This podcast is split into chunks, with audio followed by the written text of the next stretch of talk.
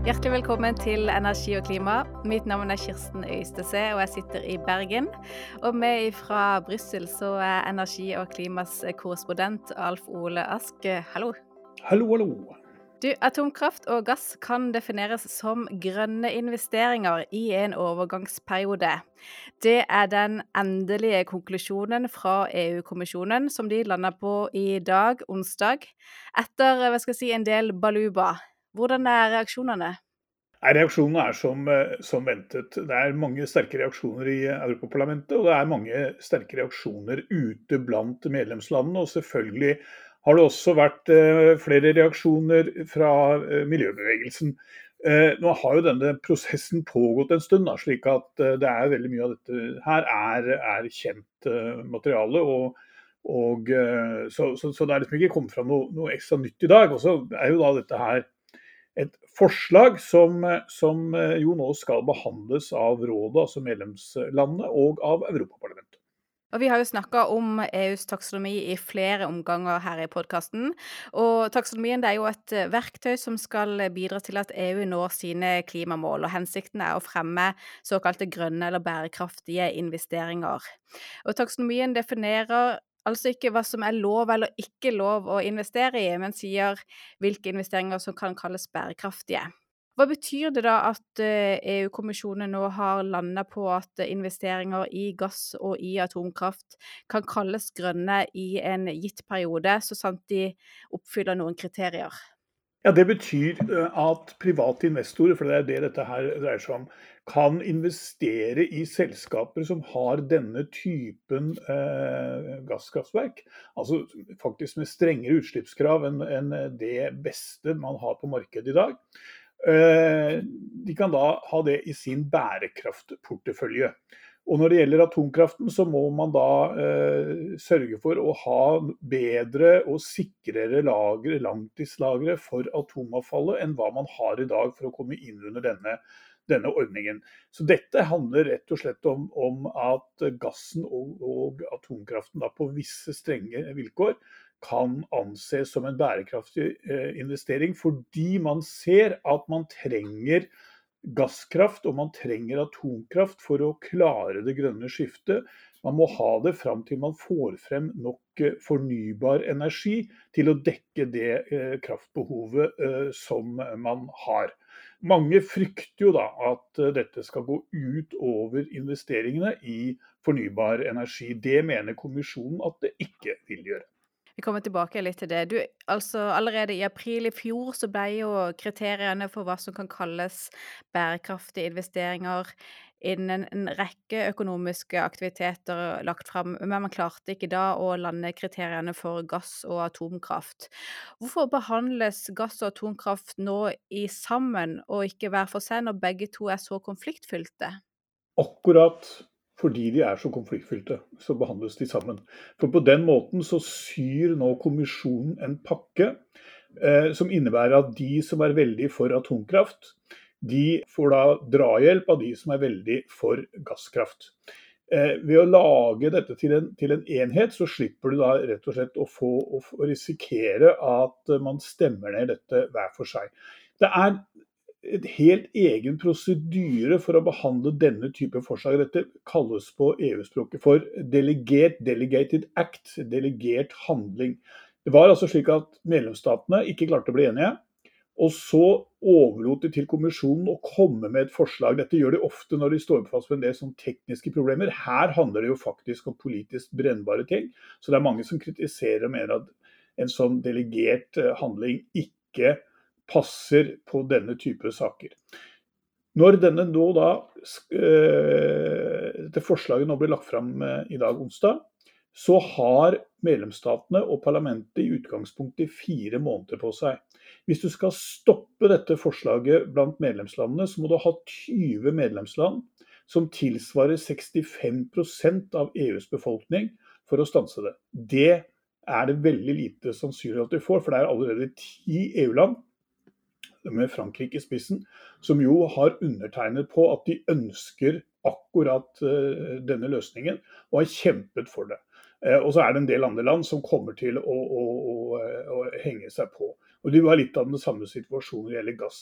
I Europaparlamentet derimot, så trenger du bare et alminnelig flertall eh, for å, å, stanse det. Slik at fighten kommer til å stå eh, om eh, Europaparlamentets gunst. Og sånn som jeg har forstått, så kan de ikke gjøre noen endringer. De må kun si ja eller nei til forslaget fra kommisjonen, er det korrekt? Ja, det er, eh, det er korrekt. Eh, for det, hvis du da skal begynne med endringer, sånn, da er det over i den vanlige lovgivningsprosessen. og Loven eh, som dette er hjemlet i, da, eh, taksonomien, den er jo vedtatt eh, for lengst. og Man har jo vedtatt investeringsregler for noe som tilsvarer ca. 80% av den eh, totale økonomien i, i EU, som da har fått regler for hva som er bærekraftige investeringer. og De trådte i kraft, mesteparten av de, for veldig kort tid siden.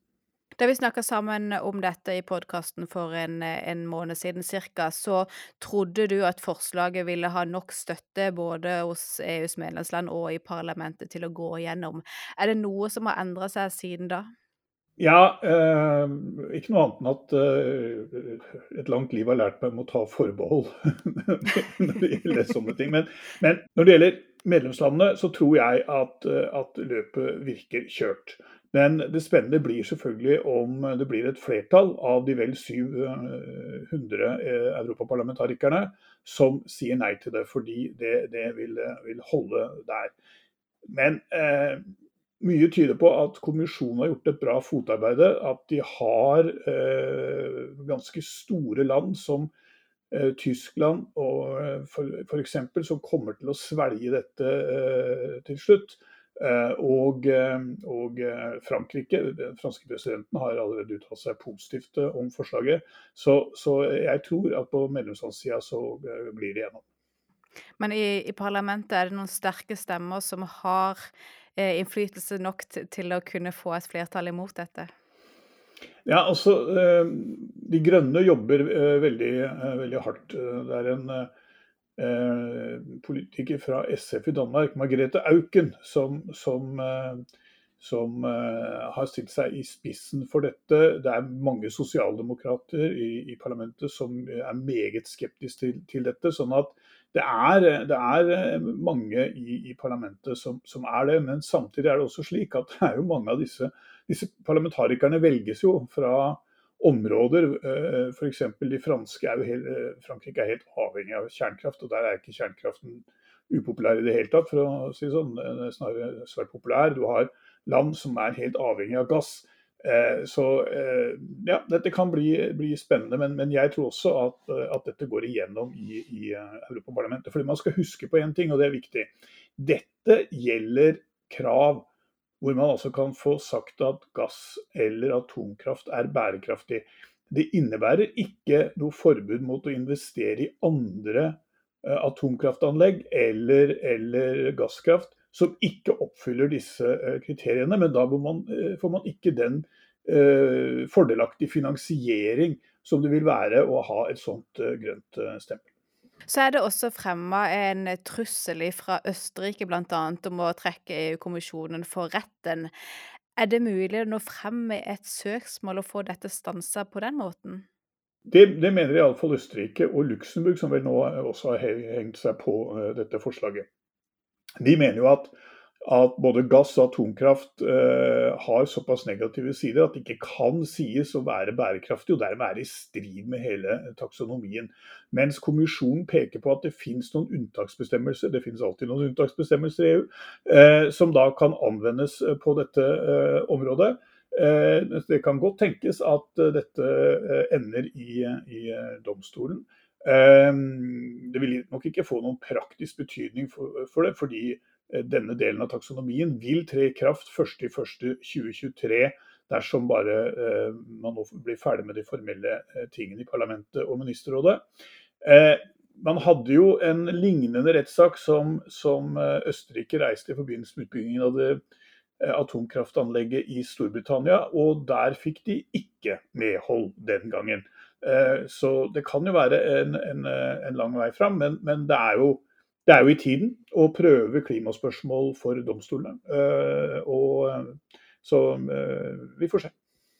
De som er kritiske, da tenker jeg ikke bare på de som truer med søksmål, men andre kritiske stemmer, de, de de kritiserer kommisjonens avgjørelse eh, både fordi de kaller det en grønnvasking av gasskraften og av atomkraften, og at det er med på å vanne ut taksonomien. Hvordan svarer kommisjonen på dette? Ja, eh, For det første så mener kommisjonen at dette eh, viser en realistisk vei til å klare klimamålene. Det er, sant, det er bare åtte år til 2030. Eh, og de må eh, i første rekke få faset ut kull og, og, og olje for eh, å nå de klimamålene. Og da trenger de, de, gass. Det er vel på en måte liksom det de, de, de, argumenterer med. Og så er jo atomkraften en helt legitim energiform i EU. og den kommer til å eksistere i EUs energimiks i mange, mange år framover. og da mener kommisjonen at det er viktig at eh, det stilles tydelige krav til den. Og at eh, den da også får den rollen som alle jo egentlig, eller alle atomkraftland iallfall erkjenner at den har. Nemlig eh, den eh, slipper jo ikke ut eh, CO2. Og eh, er da et middel for å nå utslippsmålene. Men så er det som du sier, da, mange som mener at dette her rett og slett undergraver hele hele taksonomien fordi du setter et grønt stempel på en energiform som har store negative konsekvenser fordi avfallet må lagres over lang tid er farlig, og du setter et grønt stempel på fossil, en fossil energiform, som gassen er. Og et av kravene som må innfris i disse kriteriene for at gass kan kalles bærekraftig, det er at det skal eh, bl.a. erstatte kull eller olje. Men i en eh, artikkel på Energi og klima som du skrev denne uka, så har du omtalt en studie som viser at utfasing av kull har stoppa opp. Og hva skjer egentlig i EUs energimarkeder nå, og hvor stor betydning vil taksonomien ha for om EU klarer å få opp investeringene i fornybar energi til fordel for fossil, med de urolighetene som vi nå ser i energimarkedene? Det er ikke godt å si. Eh, vi har ikke sett på en måte eh, slutten på denne, på denne, perioden med høy, høye gasspriser, og som drar eh, strømprisen eh, opp. Den studien som, som, vi skrev om tidligere i uka, viste jo at man brukte nå forny, ny fornybar energi for å fase ut den dyre gassen eh, istedenfor for, uh, kull, som man har brukt fornybar til å fase ut tidligere. Eh, det er klart at alle denne type grep som kommisjonen nå åpner for, vil selvfølgelig eh, ha som, som, helt klar forutsetning at det skal bli mindre kullkraft i, i, EU.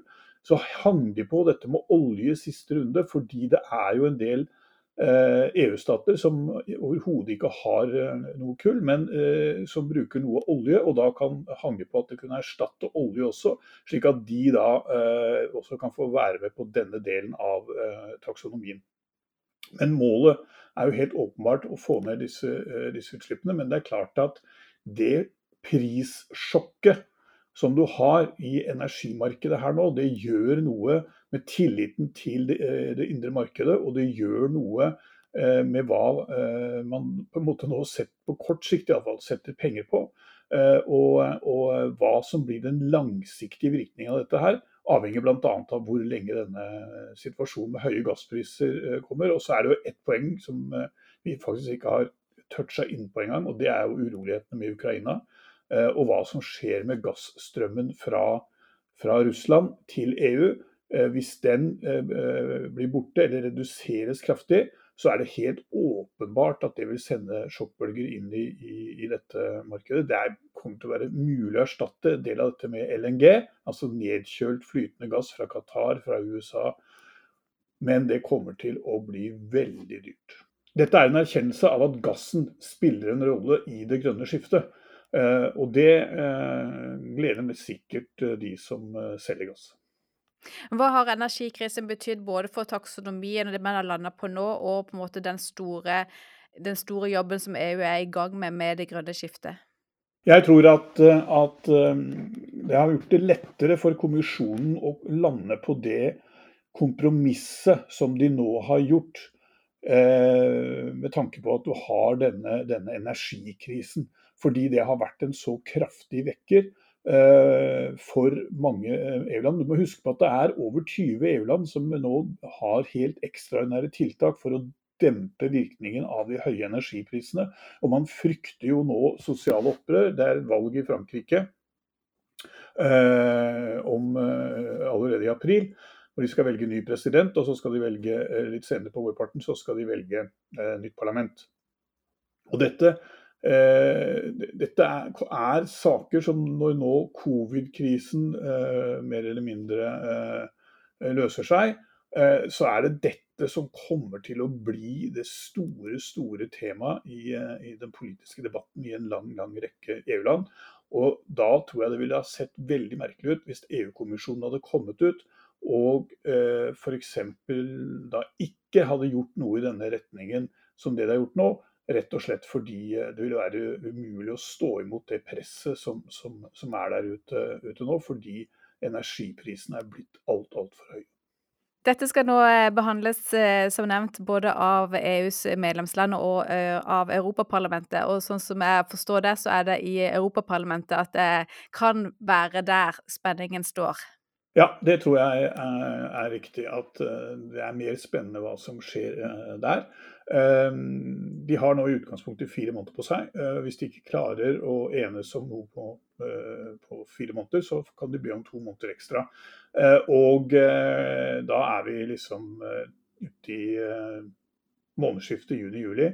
Så dette kan, bli, dette kan, bli, noe å følge i lange, lyse sommernetter her nede i Brussel. Er det noen ting som alle som har dekket Brussel vet, det er at juli er en forferdelig måned. Da er det toppmøter, og da er det innspurt i, i, i parlamentet. Så, så, da vet man jo hva man skal bruke kveldene til. I tillegg til å spise pommes frites? Det må man alltid uh, gjøre i, i Brussel. Men det rekker man jo innimellom, da. Fint. Da sier jeg tusen takk for oppdateringen fra Brussel. Takk skal du ha selv.